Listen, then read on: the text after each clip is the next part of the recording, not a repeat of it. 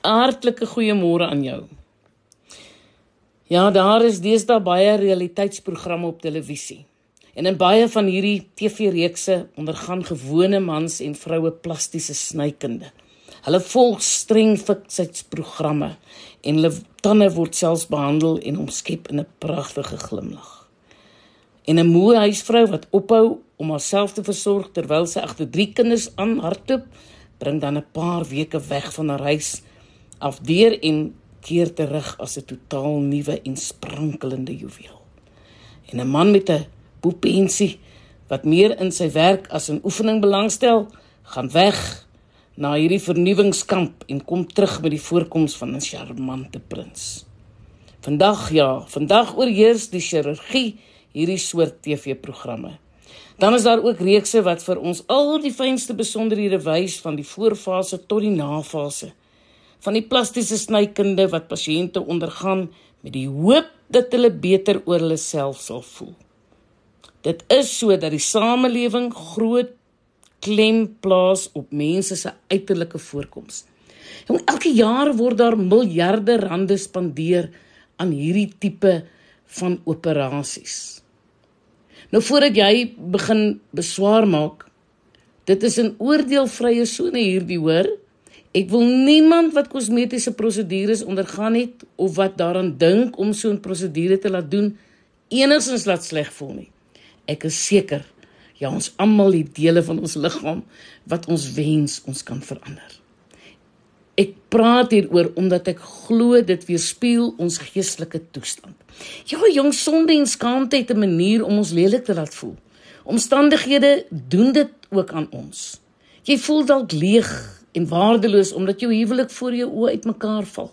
Jy voel hopeloos omdat jy sopas 'n kind verloor het.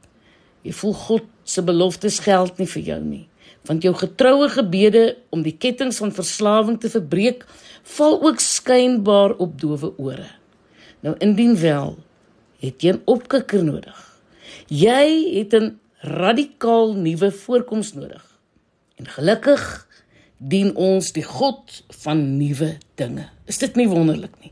Ja, God kan vir jou 'n nuwe voorkoms gee, 'n nuwe begin gee, 'n nuwe lewe gee, 'n nuwe perspektief gee. Die meeste chirurgie, indien nie almal nie, bou 'n portefeulje op van die werk wat hulle op pasiënte doen. Ja, jy kan deur honderde fotos blaai en self sien hoeveel beter die mense lyk na die prosedure wat hulle laat doen het.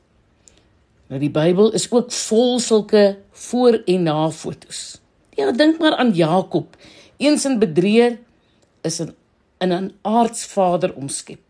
Die man wat deur 'n menigte bose geeste in besit geneem is, jong hy het 'n lewe van foltering vir vryheid verruil. Die vrou by die put het besef haar ware identiteit lê in Christus en nie in mans nie. Het jy 'n radikaal nuwe voorkoms nodig? Klou jy vas aan onnodige bagasie? Dra jy nog jou sondes van die verlede met jou saam? Dink 'n oomblik aan jou geestelike klerekas. Ja, vra vir jouself wat dra jy wat al uit die mode uit is? Wat nie meer pas nie. As jy sukkel om jouself lief te hê soos Jesus jou beveel het, besit jy waarskynlik baie klere waarvan jy moet ontslaa raak, soos 'n wye pyp jean of kruisbande. Ek praat nou bietjie metafories hier, hoor. Nou sommige van julle besef dit dalk nie, maar wanneer julle elke oggend in die spieël kyk, soek julle deur julle geestelike klerekaste en wonder wat om aan te trek. En dan sê julle, kom ons kyk. Kom ons kyk. Wat het ons hier? O ja, ek lyk goed hierin. Ek dink ek sal my seer kry aantrek want ek voel baie gemaklik daarin. My pa het my seer gemaak, my man het my seer gemaak, die kerk het my seer gemaak. Ja, dit klink goed. Ek sal my seer kry aantrek. Of mmm, waar is dit nou? O ja, hier is dit. Ek het geweet dit moet hier iewers wees. My verlede. Ek sal vandag al die foute wat ek in die verlede gemaak het, herleef.